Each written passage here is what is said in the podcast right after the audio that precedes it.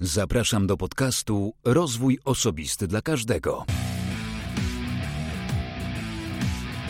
Ja nazywam się Wojciech Struzik, a wy słuchacie właśnie 41 odcinka podcastu Rozwój Osobisty dla Każdego, który nagrywam dla wszystkich zainteresowanych świadomym i efektywnym rozwojem osobistym. Moim dzisiejszym gościem jest Andrzej Moskalik, ale zanim zaproszę do rozmowy, czy też przybliżę pokrótce o czym rozmawialiśmy, przypomnę komunikaty, o których mówiłem już w ubiegłym tygodniu. Tym razem zamienię troszkę ich kolejność. Na początku powiem o tym, że nadal trwa zbiórka na pracownię Boruja, którą zorganizowała Agnieszka Zdunek z podcastu Jestem Zielona. Zamieszczam w opisie tego podcastu link do tej zbiórki i gorąco namawiam do tego, żeby się do tej zbiórki przyłączyć. Cel jest ambitny i myślę, że warto wspierać takie inicjatywy. I drugi komunikat.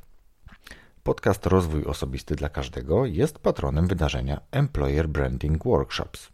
Employer Branding Workshops to warsztaty z zakresu oczywiście, że employer brandingu.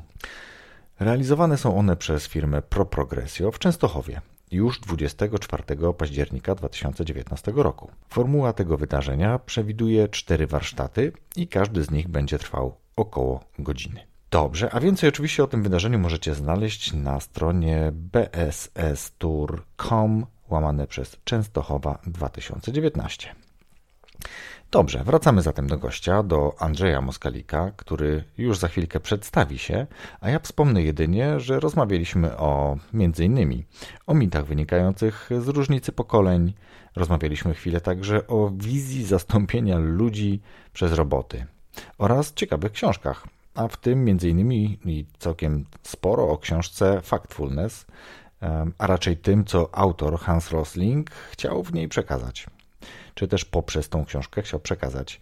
I znalazłem fragment e, recenzji jednego z czytelników. Oczywiście tych recenzji jest bardzo dużo, książka cieszy się dużym powodzeniem, a ja przytoczę tylko jedną króciutką, czy fragment tak naprawdę króciutkiej recenzji.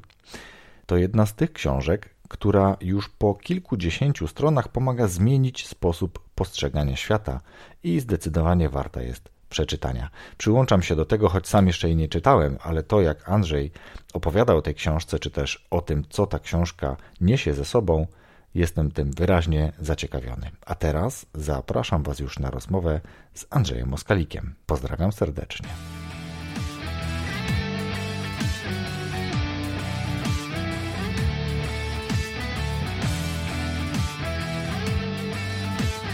Cześć Andrzeju, bardzo dziękuję Ci za przyjęcie y, mojego zaproszenia do podcastu Rozwój Osobisty dla Każdego.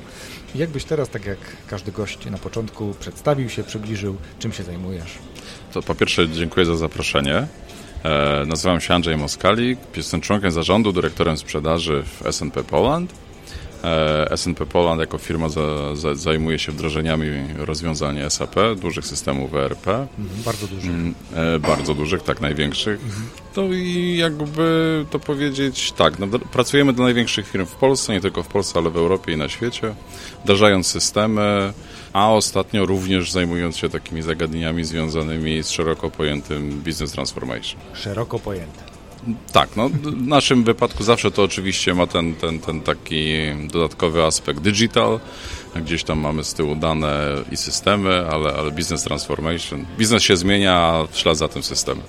No a to jakby ten SAP jest, nie wiem, nie wiem czy powiedzieć przyczynkiem, czy efektem tego, że jest ten, ta transformacja biznesu, no bo firmy decydują się, rozwijają się i decydują się na zmianę systemu na taki potężny system, jakim jest SAP. Powiedziałbym, że e, w obydwu przypadkach masz rację. To po pierwsze, e, oczywiście jest tak, że wzrost biznesu, rozwój biznesu przynosi zapotrzebowanie na nowe, nowe rozwiązania, nowe pomysły, nowe rozwiązania IT również i wtedy faktycznie Najczęściej wtedy nazywamy to takimi wdrożeniami Greenfield, gdzie, gdzie firma albo, próbu, albo potrzebuje zastąpić stary system nowym rozwiązaniem IT. No w przypadku SAP-a to są topowe rozwiązania e, do biznesu, ale też oczywiście jest tak, że, że rozwiązania, rozwiązania IT żyją swoim technologicznym życiem i co jakiś czas wymagają same z siebie odświeżenia, upgrade'u, update'u. No i wtedy faktycznie to jest tak, że bywa, iż E, sam system, samo SAP wymusza na klientach pewne zmiany, również w obszarze działania takim, może nie wprost na biznesy, na procesy biznesowe to wpływa, natomiast e, zmienia, zmienia to na pewno podejście do pewnych zagadnień w wyniku rozwoju aplikacji, czy to udostępnienia nowych możliwości, czy też, czy też wprost upgrade'u, upgrade'u rozwiązania. Mhm.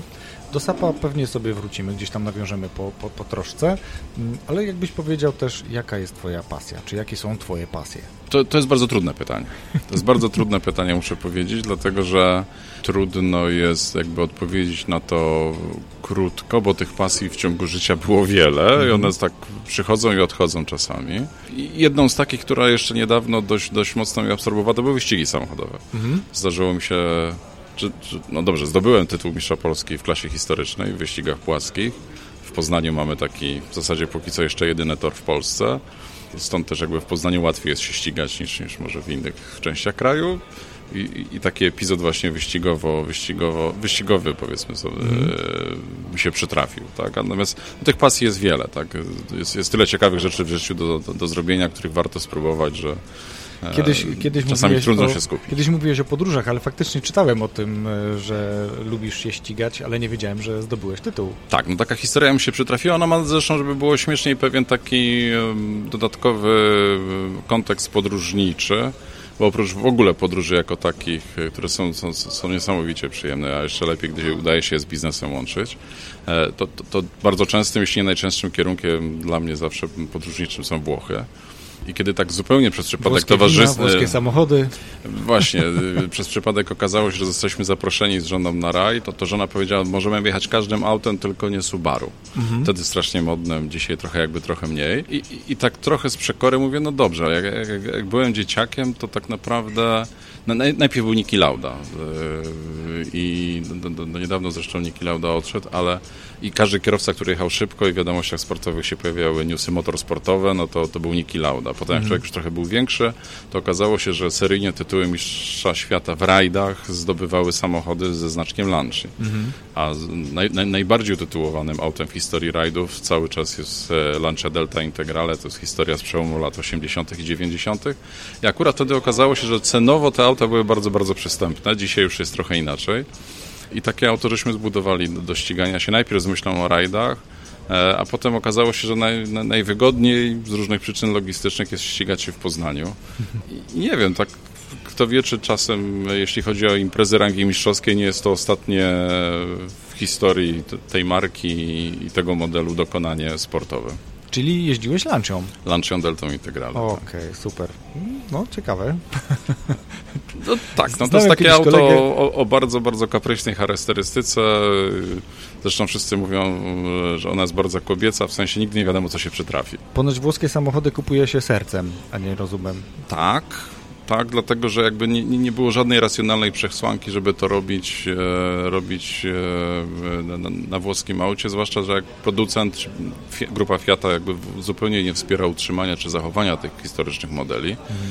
To w tej chwili w dużej mierze utrzymanie tych aut, nie tylko w Polsce, ale generalnie w Europie czy na świecie, kręci się serią jakichś małych manufaktur, głównie w Wielkiej Brytanii i we Włoszech. Mhm w odróżnieniu na przykład do, do, do, do również zacnej marki jak BMW, które no, dzisiaj można złożyć e, rajdową, wyścigową, e, topową specyfikację modele. modelu E30, który z, zakończył swój rynkowy żywot. byt, żywot tak, w latach 90. Mhm. Natomiast no, fabryka, fabryka nadal wspiera jakby utrzymanie tych samochodów i oryginalne BMW części do tych samochodów nadal można kupić. No, Zupełnie inna sytuacja. Bardzo dużo takich starych modeli BMW widzimy całkiem nieźle utrzymanych na tak, polskich tak, drogach. Tak, tak, też również dzięki temu. No, to jest jakby dziedzictwo marki, to, to pomaga jakby tej marce radzić sobie na rynku. No, no cóż, no nie wszyscy producenci o to tak samo dbają. No tak, no bo to też jest ważne dla wizerunku marki. To znaczy mogę bezpiecznie kupić model dzisiaj, bo wiem, że nawet za 10 czy 15 lat potencjalnie będą zasoby jakiejś części i, będzie to utrzymywane. No, chociaż te dzisiejsze modele też trochę inaczej już wyglądają, no. To jest, też, to jest też jakby takie podejście, powiedziałbym, długofalowe do marketingu, e, bo jeśli popatrzymy na, na, na szereg samochodów, które mają potencjał stać się youngtimerami, no taki młody człowiek, który kupuje mocno przechodzone automarki, którym, którym gdzieś tam ujeżdża powiedzmy w latach studenckich, no to bywa, że dojrzewa, portfel jest zasobniejszy i wtedy idzie się do salonu tak. i kupuje się auto i ma się ten sentyment. Tak gdzieś tam zakodowane. Mhm. Przywiązujemy się do marki cały czas. Dobrze, podcast jest o rozwoju osobistym, więc e, chciałbym Cię zapytać, jak Ty widzisz rozwój osobisty, na przykład swój, albo jak w ogóle interpretujesz rozwój osobisty? Powiedziałbym tak, że mam dość duży problem ze zdefiniowaniem tego, co to znaczy. To, nie, to ma, jest... nie ma reguły generalnie, nie, nie, nie ma, ma definicji jednej, dlatego pytam gości też Natomiast, to, natomiast powiedziałbym tak, to jest jednak uczenie się nowych rzeczy. To jest uczenie się nowych rzeczy, biorąc pod uwagę, że człowiek staje się raczej coraz bardziej dojrzały, żeby nie powiedzieć, że posuwa się w latach, to ostatnie badania z zakresu neurobiologii, biologii mózgu, są pocieszające, że mózg uczy się do końca życia jednak. Mhm. A to znaczy, że nie możemy po pierwsze poprzestać na, na, na tym, żeby mózgu nie uczyć nowych sztuczek, E, i utrzymanie go w dobrej formie po prostu z jednej strony wymaga tego. Z drugiej strony to jest też tak, że świat się bardzo szybko zmienia i jak próbujemy sobie przypomnieć, jakby, jak wyglądał świat 10 lat temu, z jakich urządzeń korzystaliśmy, albo, al, albo ile rzeczy na przykład załatwialiśmy elektronicznie, a ile analogowo, to okazuje się, że to jest przepaść. A 10 lat nie wydaje się być tak odległe. Mhm. 10 lat temu w dużo większym stopniu na przykład polegaliśmy na mailach, Dzisiaj już jednak na innych środkach komunikacji, zresztą mieliśmy okazję rozmawiać o tym, że mamy synów w podobnym wieku. Tak, tak. Pisanie maili do nastolatków nie działa. Nawet czytanie wiadomości od nich e, skrótowych, takich tak, pisanych. Tak, tak, tak. tak no, to jest... Ja później pytam mojego, a co oznaczał ten skrót? No jak, tato, no to tam dla twojej informacji, albo tam, nie wiem, jutro, albo kiedykolwiek. I tam jakieś skróty na to mają wymyślane, więc trzeba za tym nadążać. Wypadałoby. Więc, więc w tym sensie jakby mówiąc o rozwoju zawodowym, y, mówiąc w ogóle o rozwoju osobistym, bo nie tylko zawodowym, bo to jest jakby jeden z aspektów, mhm. no to jest to uczenie się nowych rzeczy. Również po to, żeby rozwijać się w sensie jakiejś pasji, zainteresowań, czasami sportu czy rozrywki, ale, ale również właśnie zawodowo, co czasami ma takie dość zaskakujące, zaskakujące yy, zazębienia jedne dziedziny z drugimi. Sport jest tak, takim dobrym nauczycielem, niezależnie. No moje osobiste doświadczenie oczywiście jest jakoś tam związane z motorsportem, natomiast jakby radzenie sobie z niepewnością, z, z sytuacją stresową, e, bezpośredniej rywalizacji, e, zwłaszcza kiedy rywalizuje się jakby z innymi kierowcami burta w burtę, więc mhm. poziom adrenaliny i stresu czasami jest duży, a, a błędy dużo kosztują, e, bo nie tylko jakby zakończenie zawodów e, gdzieś, gdzieś na trawie, ale, ale też rozbite auto, Oby tylko auto. A, no, ja powiedziałbym tak, wbrew pozorom motorsport jest dość bezpieczny. O. Pod warunkiem, mhm. że nie jeździ się na motocyklach, to, to, jednak, e, to jednak motorsport powiedziałbym jest stosunkowo bezpieczny, jeśli chodzi o wyścigi samochodowe, e, czy wszystko, co ma cztery koła, to wypadkowość jest relatywnie mała. No, wypadków mieliśmy kilka i motocyklowych, ale też jeden z naszych e, mistrzów, jeżeli chodzi o kwestię Formuły 1, przecież e, spróbował trochę innego sportu, trochę innego wyścigu, no i nie skończyło się to dla niego dobrze. No, ja, ja bym rozpatrywał to w kategoriach naprawdę gigantycznego pecha. Okay. Rozumiem, że mówimy o Robercie Kubicy. Kubicy tak, tak z jednej strony oczywiście gigantyczny pech, z drugiej strony gigantyczne szczęście, bo ten wypadek był e, straszny. Mhm. No, całe szczęście, że, że, że, że Robert żyje, że, że ściga się. Tak, to wielki szacun, że on dalej to robi i to robi nieźle. Tak, tak, to, to, to, jest, to, jest, to jest nieprawdopodobne, mhm. że, że był w stanie wrócić do ścigania na topowym poziomie. Wracając do naszych synów, ten wątek jest dla mnie dość ciekawy. To jest takie pokolenie, e, które trochę ciężko jest zmotywować do trochę wyjścia z tej swojej strefy komfortu. E, młodzi ludzie, ty masz 17-latka, ja mam 16-latka, mm, lubią komputery, lubią spędzać czas przed ekranem i ciężko ich zmotywować do tego, żeby podjęli jakąkolwiek inną aktywność.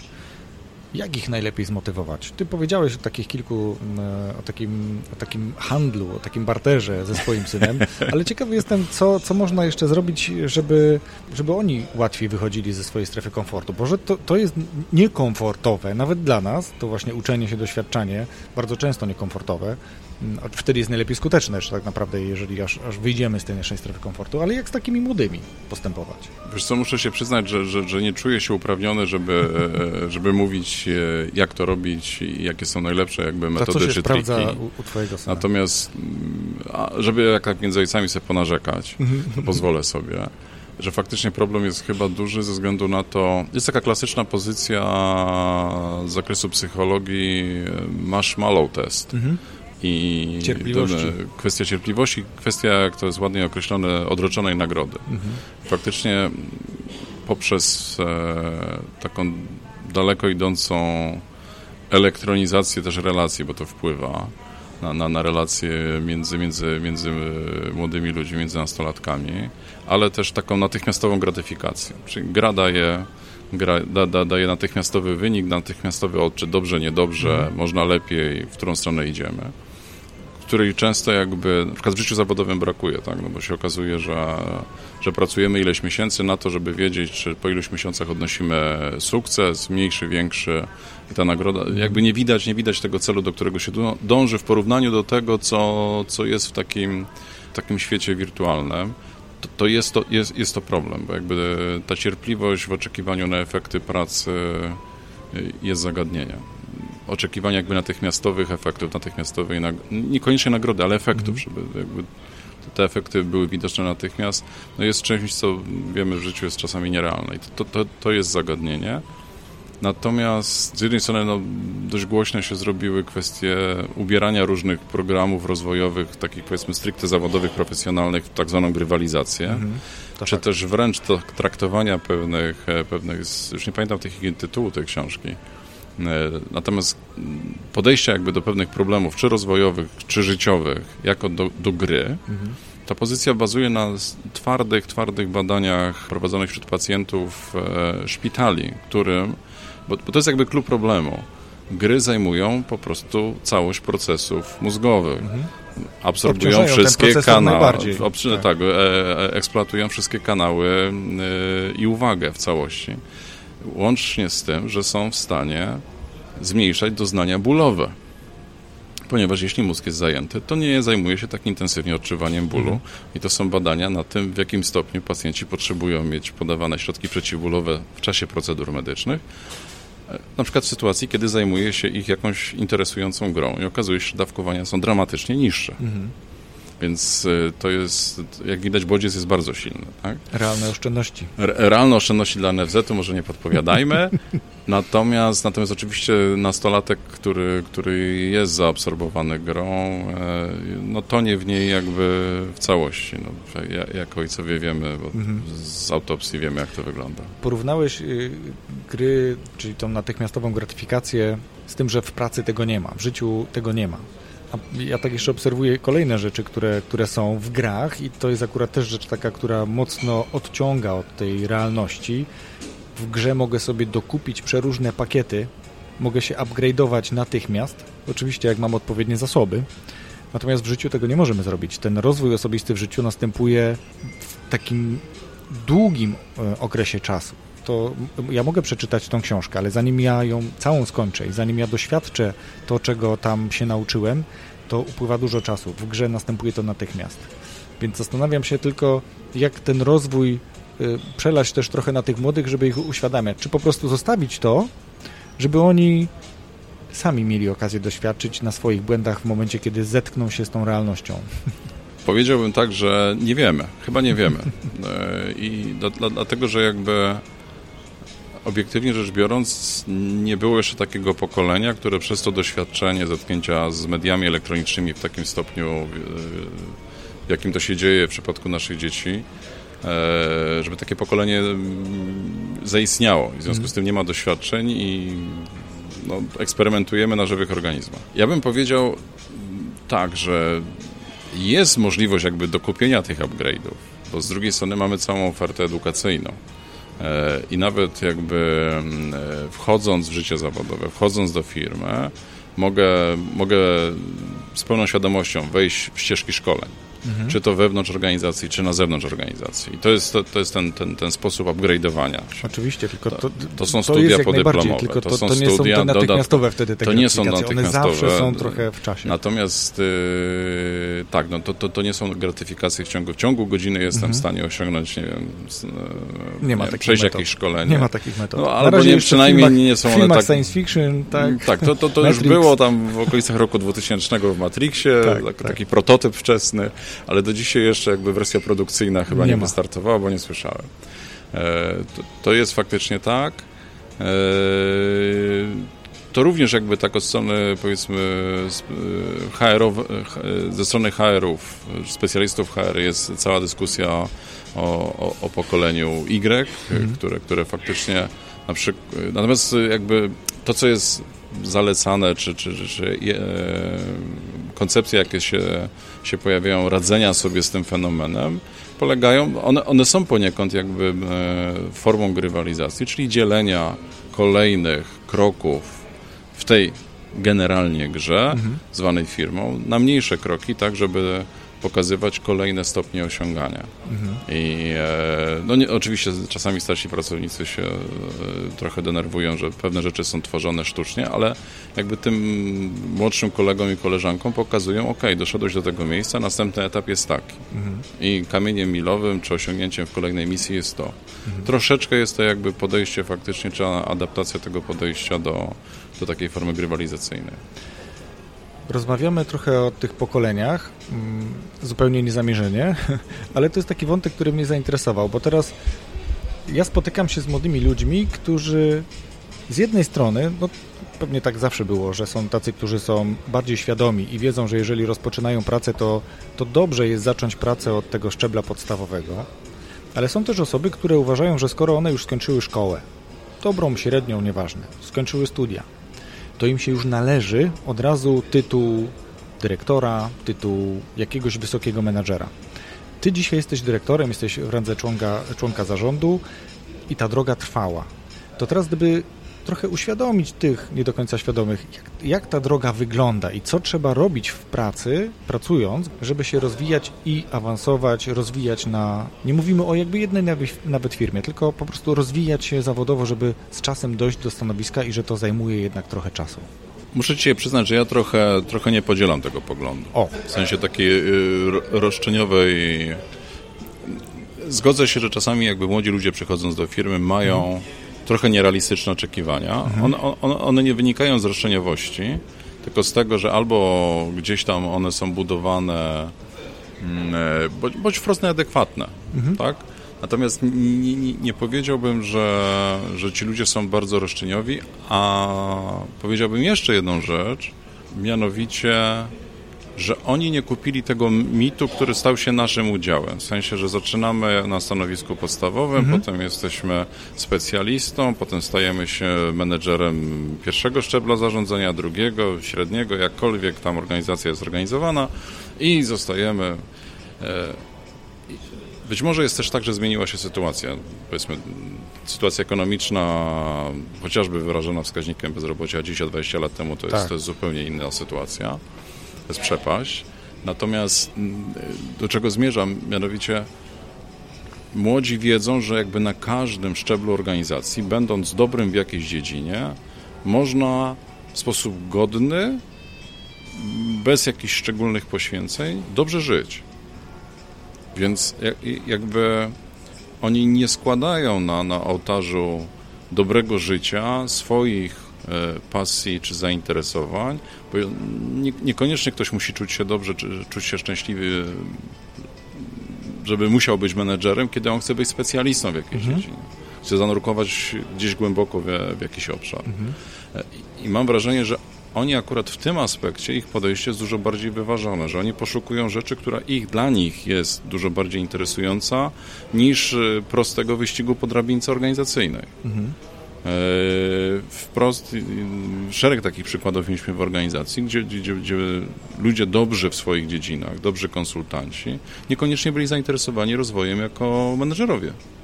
Że to nie było dla nich interesujące jako ich kierunek rozwoju. Natomiast na przykład pogłębienie wiedzy i bycie ekspertem w jakimś obszarze, to było coś, coś co, co było dla nich interesujące, dużo bardziej niż zarządzanie ludźmi. Masz rację. Mm, Ja chciałem tylko poruszyć ten kontekst y, nawet nie roszczeniowości, bo, bo mm, nie, nie odczytuję tego jako roszczeniowość, tylko ty to ładnie nazwałeś, że nie ma tego mitu u nich. bo w, w, naszym pokoleniu mam, mam takie przeświadczenie, że, że właśnie tak, tak byliśmy wychowani już nawet, przygotowywani do tej pracy, żeby się rozwijać, żeby awansować, żeby przechodzić te szczeble gdzieś tam w tych, tych różnych zakładach pracy, korporacjach. A ci młodzi mogą dzisiaj przyjść do pracy, tak, no tak ale przykład... dla nas na przykład e, naturalnym sposobem manifestacji tego rozwoju było osiągnięcie stanowiska XY. Tak. E, I w momencie, kiedy ktoś był po prostu najlepszym specjalistą w kraju od, mhm. ale nie miał przedrostka menedżer, dyrektor czy coś mhm. tam, no to generalnie człowiek się zmarnował. To nie, było nasze patrzenie, tak, tak, tak to tak. był nasz koncept. Myśmy to kupili. Mhm. Oni tego nie kupują. Dlatego podoba mi się to, że tak to interpretujesz, że oni nie wpasowują się w ten schemat. Oni wypracowują sobie swój własny i oni chcą robić to, co im się podoba, to, co lubią i niekoniecznie za cenę bycia menadżerem, dyrektorem, etc., tak? Tak. I jakby godzą się na to, że, że są... Moje osobiste mhm. wrażenie jest takie, że ich rozpoznanie roli zarządzania, e, specjalizacji w jakiejś dziedzinie jest dużo lepsze niż myśmy mieli. No tak, no ale też dostęp do wiedzy, do tej informacji też jest zupełnie inny niż myśmy Zgoda, mieli, zgoda. To, to, to, tak.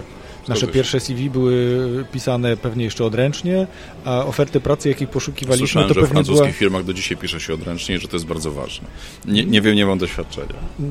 Ale francuskich we Francji chyba, bo nie wiem, czy we francuskich w Polsce. Pracowałem w jednej... Aha, nie, nie potwierdzasz, rozumiem. nie, nie było tego. Natomiast no, no, dzisiaj, dzisiaj jakby tych ofert pracy faktycznie jest bardzo dużo, dużo więcej niż, niż yy, kandydatów na te miejsca, no bo, no bo tego nie ma, o tym, o tym też powiedziałeś. Dzisiejsza stopa bezrobocia, bezrobocia no nie istnieje w porównaniu z tą, jaka była 10, 15, 20 Tak, natomiast e, e, jakby dużo, mm, e, dużo bardziej interesująca jest rzecz. To jest, to jest jakby generalnie taka luka, z jednej strony można to interpretować właśnie jako lukę efektywnościową, bo myśmy przez ostatnich 25 lat jako kraj w sensie takim ekonomicznym, jeśli można w ogóle takiego porównania, takiego, takiej klamry użyć, byliśmy w takim trybie zapewnienia wszystkim pracy, czyli jakby walki z bezrobociem, dania zatrudnienia wszystkim. No był obowiązek pracy. E, no, trochę wcześniej chyba. Tak, ja. tak. E, po, ale mówię o ostatnim 25-leciu, okay. już niedługo 30-leciu, że, że jednak no jakby e,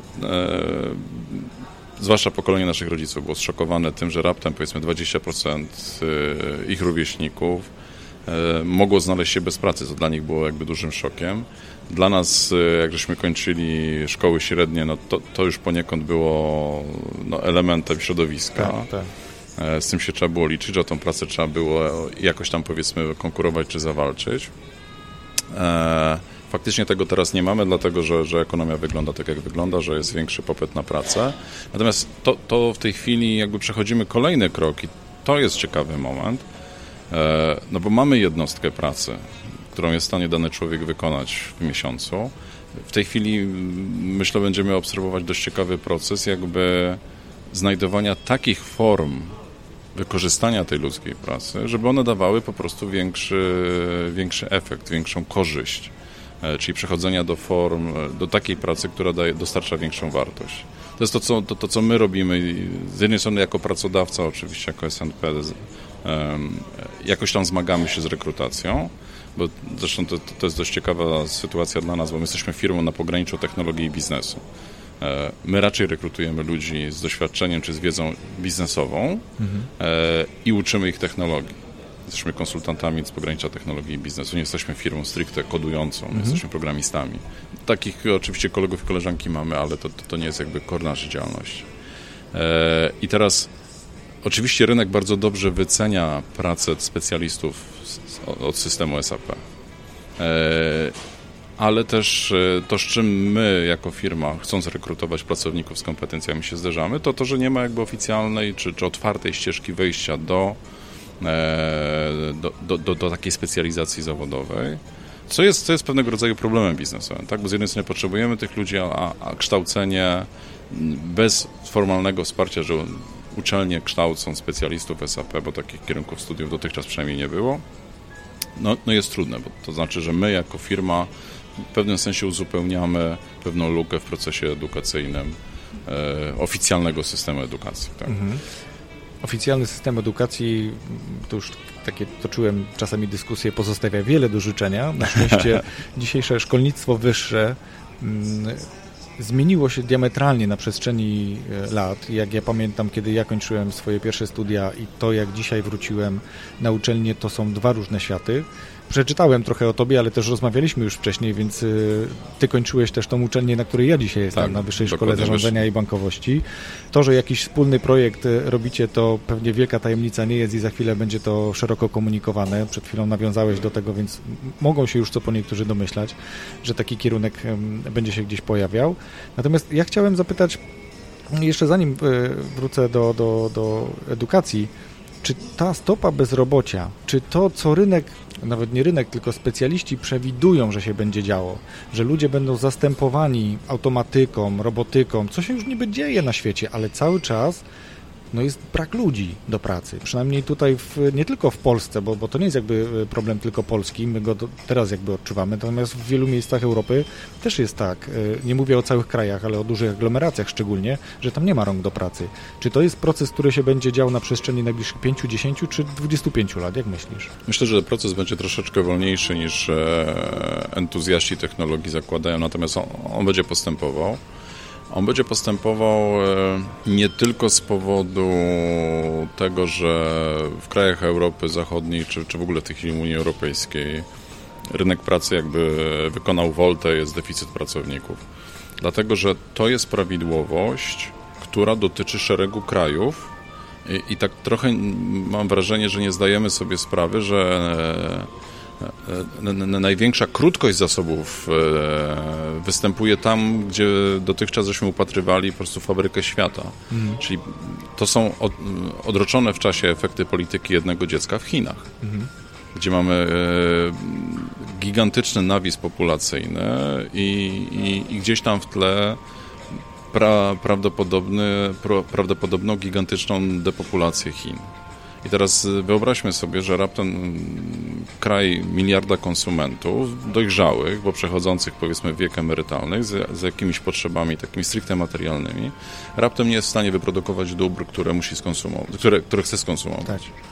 E, Już nie ale, jest. ale mówimy, mówimy o 15 ponad procentach populacji globalnej. I teraz raptem ta fabryka świata staje się e, jednym z największych konsumentów i importerów być może.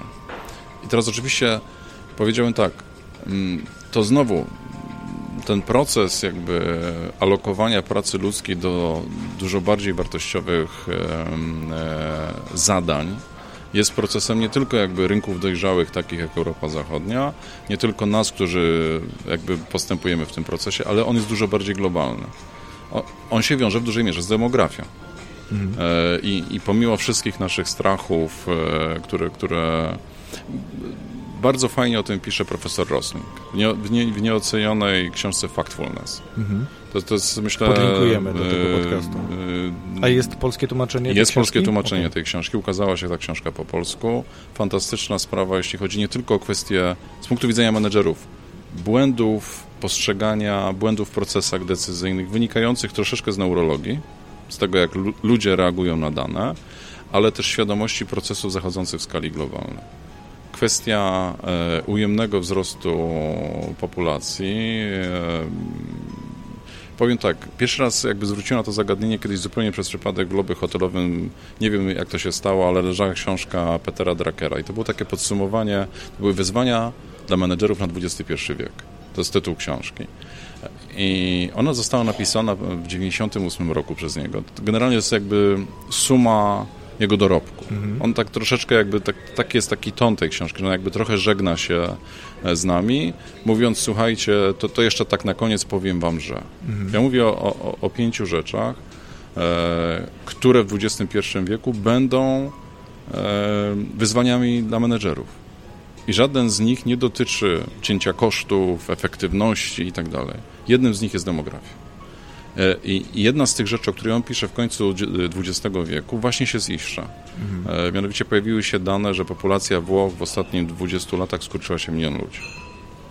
Populacja Polski nie kurczy się póki co jeszcze, tylko i wyłącznie dlatego, że żyjemy dłużej. I on wskazuje wprost na to, przy- przywołując przykład Japonii, e, 1,29 chyba w 98 roku e, na kobietę w odpowiednim wieku dzieci, dziecka. Znaczy, no, prosta zastępowalność pokoleń jest oceniana na 2,2, żeby było nas tyle, ile nas było. E, średnia dla Włoch była wtedy 1,31. Nasza lokalna polska średnia to jest 1,35. Nas nie jest mniej tylko i wyłącznie dlatego, że żyjemy dłużej. Natomiast już w danych demograficznych można zobaczyć, kiedy zaczniemy znikać. Mhm. I to jest, to jest wyzwanie. I w pewnym sensie ta automatyzacja jest nie tyle odpowiedzią na to, żeby nas wszystkich pozwalniać i obetniemy koszty. To jest takie troszeczkę maltuzjańskie podejście do ekonomii. E, al, al, albo takie ludyczne, jak w połowie XIX wieku, jak się pojawiły te maszyny e, tkackie, co to tak, zastąpiły ileś tysięcy będzie... ludzi pracujących przy, przy, przy krosnach. Mhm. E, ci ludzie po prostu znaleźli inne zatrudnienie. Ten proces zawsze jest bolesny, to trzeba sobie jasno powiedzieć. Natomiast my jesteśmy jakby bardziej w sytuacji w tej chwili takiej, że my tą automatyzacją w procesach, czy to wytwórczych, czy biznesowych, zastępujemy tak naprawdę brakujących ludzi. Z powodu demografii. Mhm. Z powodu demografii. Bardzo podobny temat znacznie szerzej, co prawda, ale myślę, że w dużej mierze też opierając się na tej książce, o której powiedziałeś, porusza Harari w swoich książkach, gdzie też e, tak. kwestia mm, jakby ekologii, jakby wpływu na, na środowisko on tam jeszcze też dodatkowo porusza, ale też demografia jest jednym z takich bardzo mocno opisywanych przez niego tematów. Tak, natomiast e, jakby warto, warto te dwie rzeczy sprawę.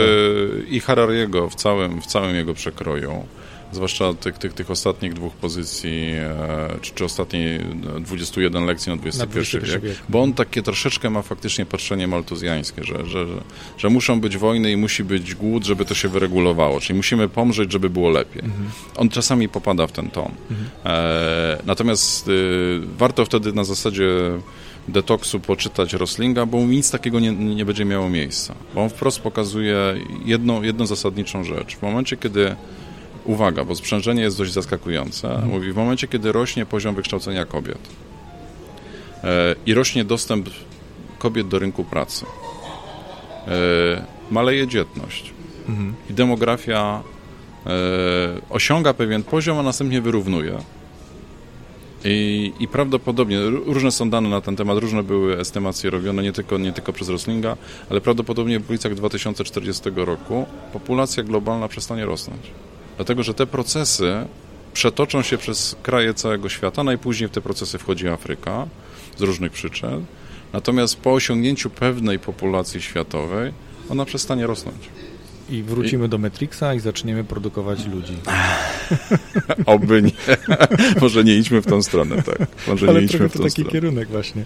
Okej, okay, dobra, mamy, e, mamy demografię i, i te, jakby te wszystkie ryzyka, które tak naprawdę za tym idą, które nie są nowością. Sam o tym powiedziałeś, 21 lat temu już jakby e, tak, tak one były zauważalne w niektórych powstała, już wtedy było wiadomo, że jeżeli, jeżeli, ktoś znał się na statystyce, nie tylko tej związanej z demografią, ale o tym mówimy, więc tu to było łatwe do przewidzenia, że jeżeli te współczynniki będą tak niskie, no to no, ta demografia się załamie. I tak, ale już... ja pamiętam, że kiedyś mieliśmy takie spotkanie e, i, i, tak troszkę zabawnie było, byliśmy w takim szerszym gronie, no i wszyscy byli jakby z takiej drużyny rozwojowej, mówiąc, że rozwój, tu tworzymy możliwości inwestowania, nowe miejsca pracy, nowe miejsca pracy, nowe... to jest mantra nasza, nasza -hmm. taka mantra od 20 ponad z górą lat.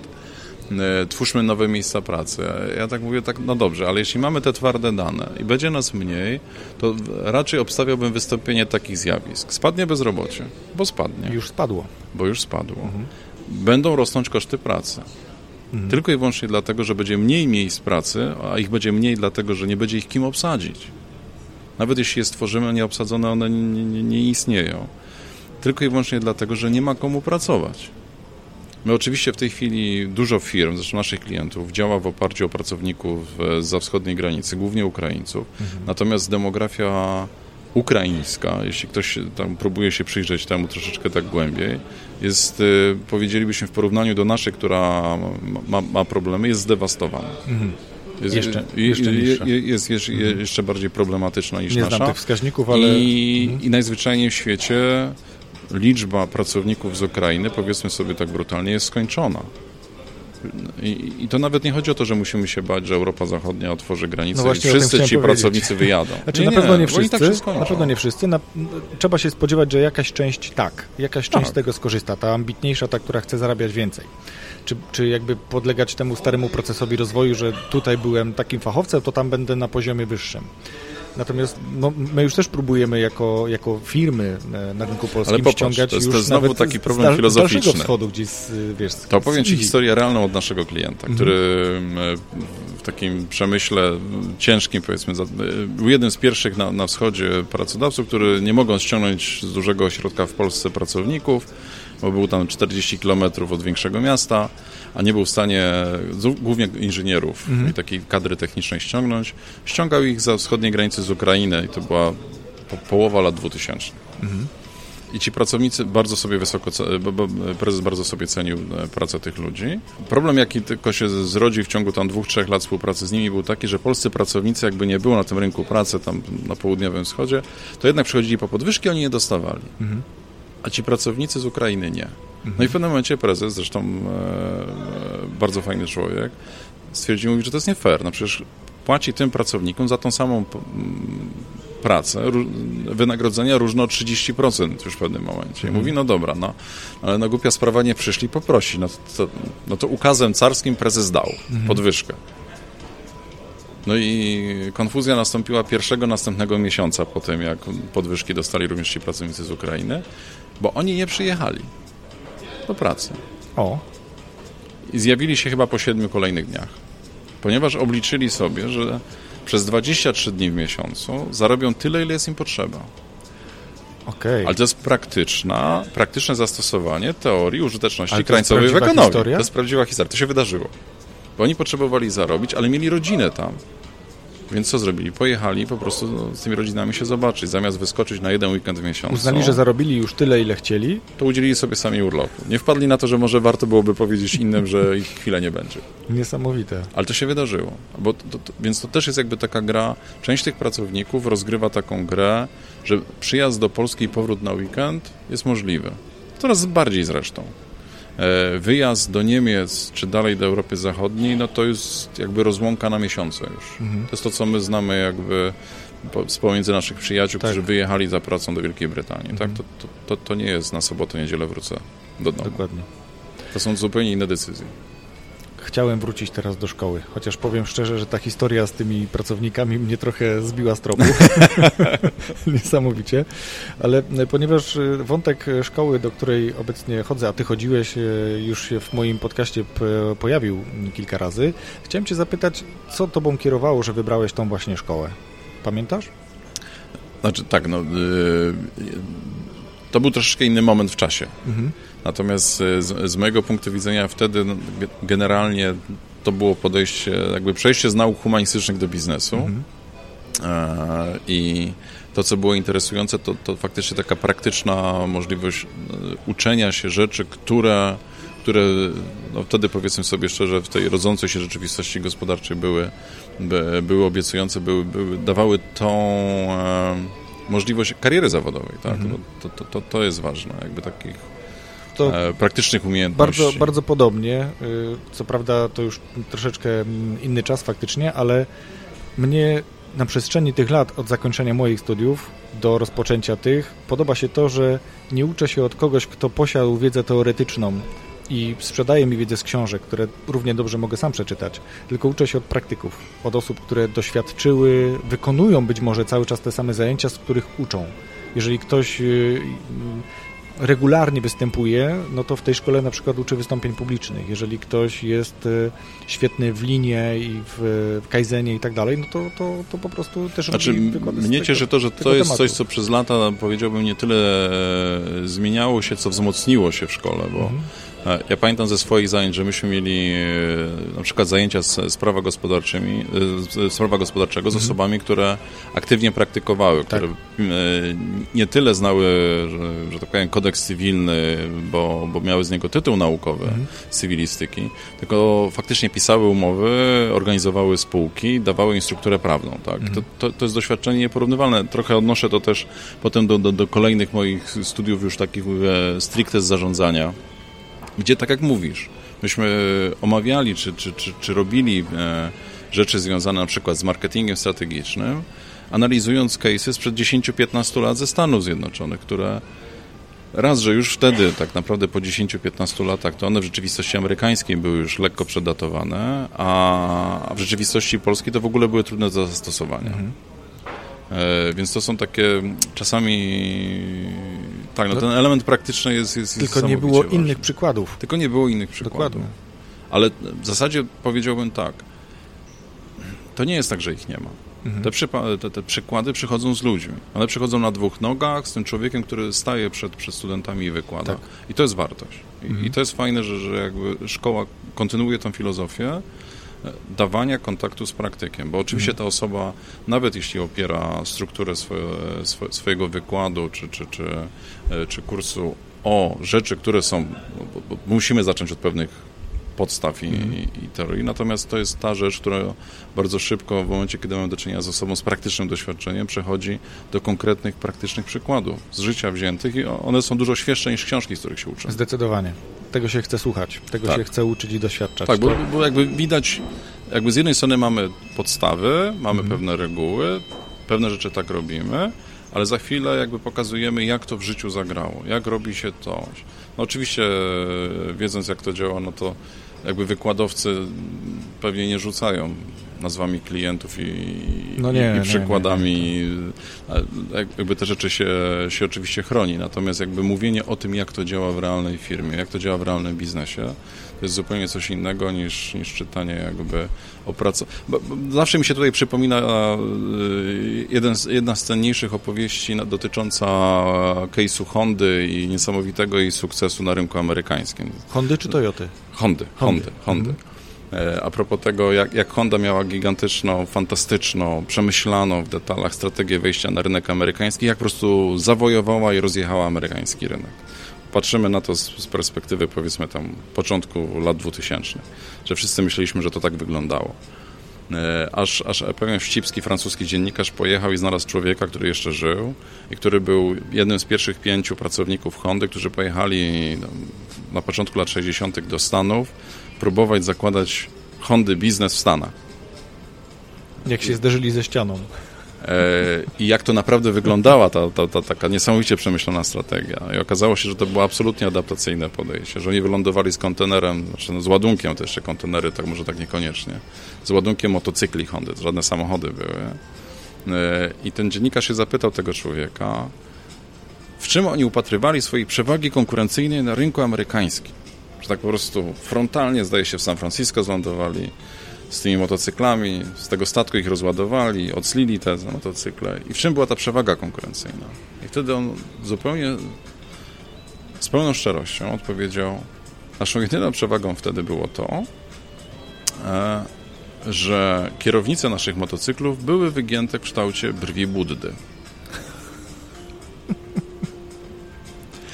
I, i ten dziennikarz, sam zresztą potem o, o, o tym mówił, był, był, najpierw myślał, że to jest jakaś forma żartu.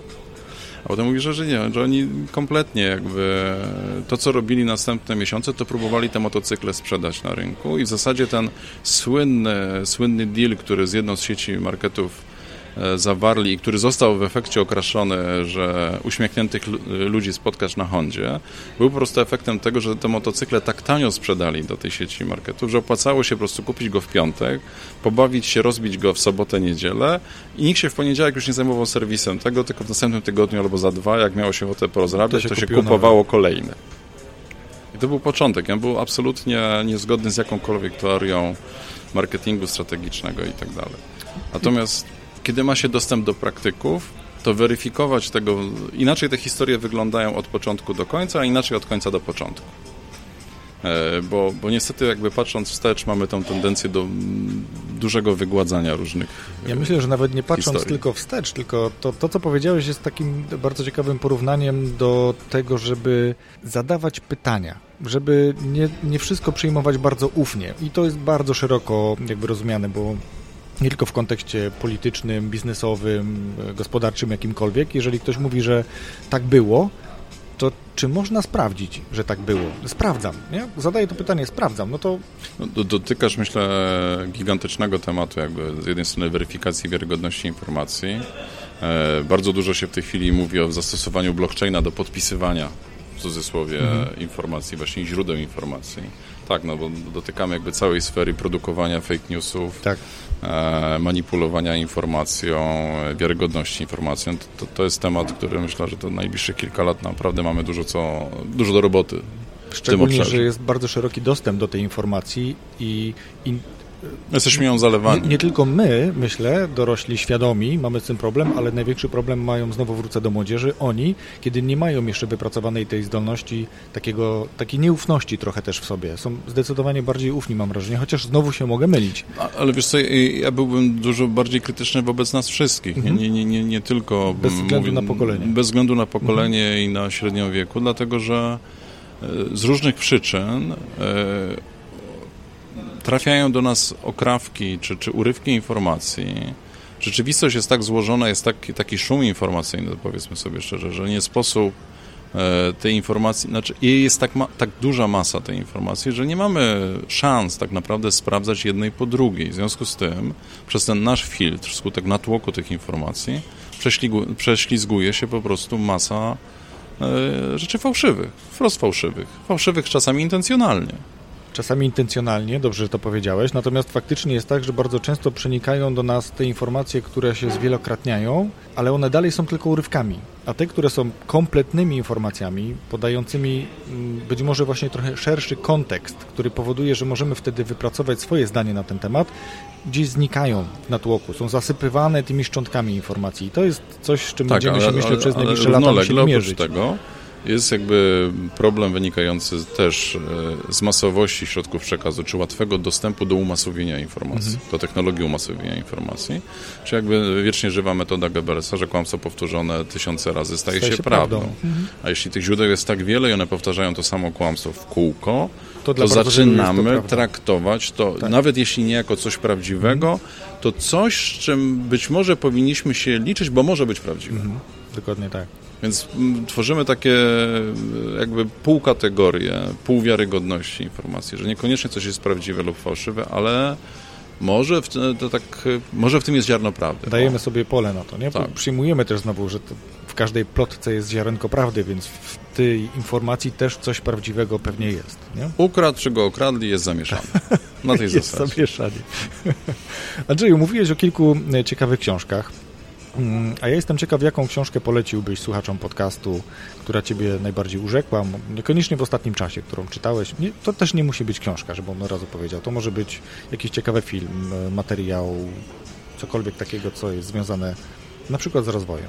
Znaczy, na pewno biorąc pod uwagę taką ogólną sytuację i, i, często związaną z tym tematem, w wielu miejscach związaną z tym tematem fake newsów, tego jak jesteśmy manipulowani, polecam Factfulness Hansa Roslinga, mhm. nieodżałowanego Hansa Roslinga, bo niestety, niestety w 2017 odszedł, na temat tego, e, jak, bo, bo to jest w pewnym sensie książka terapeutyczna dla dużych dzieci, e, zwłaszcza zagubionych w świecie, e, na temat tego, jak świat wygląda naprawdę, i jak nasz ogląd świata jest w dużej mierze nieadekwatny. To jest taka konkluzja, w której na podstawie wielu ćwiczeń, które Hans Rosling jako profesor e, e, Uniwersytetu Karolińska prowadził ze studentami, że nasz ogląd świata jest absolutnie prawdziwy w roku 1965. Bo to, to, to jest nasz obraz świata. Mm. Tylko jesteśmy pół wieku później, a już niedługo tam będzie 60 lat później. Już ponad 60 lat później. Teraz to już ponad. Tak. I świat jest w innym miejscu. Świat jest w innym miejscu, także polecam, polecam no, naprawdę y, i dla menedżerów, y, zwłaszcza w kontekście i handlu międzynarodowego, gdzie są rynki. Jedna z, tego, z takich perełek, którą, którą y, Hans Rosling w książce podrzuca, to jest historia na temat rynków nasyconych i rynków z dużą marżowością. Opowiada historię, gdzie próbował jednego z producentów środków sanitarnych namówić do tego, że zamiast wprowadzać 36 rodzaj podpasek dla pań do określonego zastosowania w określonych momentach y, życia, to być może warto, jakby ciężko jest wbić się na rynek, ponieważ rynki są dojrzałe, są obsadzone, jest duża konkurencja, w danej grupie produktowej są, jest naście produktów, wydaje się miliony różnych, wyrażone w różnych walutach, po to, żeby jakoś wypromować ten produkt, gdzie jednocześnie są rynki, na których jest brak produktów, które te firmy mają od kilkudziesięciu lat w ofercie i te rynki po prostu chłoną bez niemalże żadnych form promocji. Nie potrzeba żadnego nakładu na rozwój, tylko trzeba jakby zmienić wektor i okazuje się, że oczywiście sprzedajemy za niższą cenę produkt na dużo mniej dojrzałym rynku, ale bardzo chłonnym za to. Mhm. Trochę taka e, korelacja do... Także tak, zdecydowanie Factfulness Hansa Roslinga polecam. Duża lekcja pokory na temat oglądu świata, sytuacji na świecie, ale też takie wskazówki, gdzie poszukiwać rynków wzrostowych. Trochę mi się tak y, skojarzyło, że to, co powiedziałeś, po co płacić olbrzymie pieniądze na to, żeby wyłączyć część miasta i ścigać się samochodami, skoro ten sam wyścig można zrobić za dużo mniejsze pieniądze w innym mieście, gdzie nie ma takiego ruchu na przykład. Też, to jest, to jest też tak, dokładnie nie? tak. Dokładnie Dobrze, tak. Andrzeju, gdzie cię znaleźć? Wiem, że jesteś na LinkedInie, gdyby ktoś chciał na przykład się z tobą skontaktować, nawiązać jakąś relację, Gdzieś jeszcze? Ja myślę tak, no, generalnie LinkedIn jest, jest bardzo dobrym miejscem. Zapraszam do kontaktu, jeśli ktoś by zapragnął. E, konto, konto, konto jest w miarę publiczne, widać wszystko. Zawsze zapraszam po prostu. Tyle. Super. Dobrze, ja Ci bardzo dziękuję za dzisiejszą rozmowę. Rozmawiałem to ja dziękuję, się z Tobą bardzo przyjemnie. dziękuję. Dzięki wielkie. Rozwój osobisty dla każdego.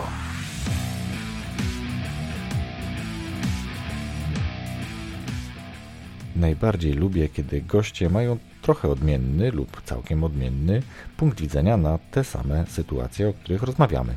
Tutaj kilka razy mm, Andrzej faktycznie miał inne, ale bardzo ciekawe, albo może nawet nie inne, ale takie uzupełniające e, mój punkt widzenia mm, spostrzeżenia. E, myślę, że ciekawym fragmentem była też rozmowa o tym, że nie mamy albo często nie potrafimy znaleźć, odróżnić być może komunikatów, czy są one prawdziwe, czy nieprawdziwe, i później często nieświadomie powtarzamy wiadomości, które no, zostały już w pewnym sensie zmanipulowane. Dziękuję za wysłuchanie tego odcinka. Gorąco zapraszam do obserwowania tego podcastu na Spotify, do subskrybowania go na iTunes oraz do pozostawiania komentarza, choćby jednozdaniowego, tak żeby inni mogli ten podcast również odnaleźć. To już wszystko dzisiaj i zapraszam za tydzień w piątek, jak zwykle, na nowy odcinek. Wszystkiego dobrego.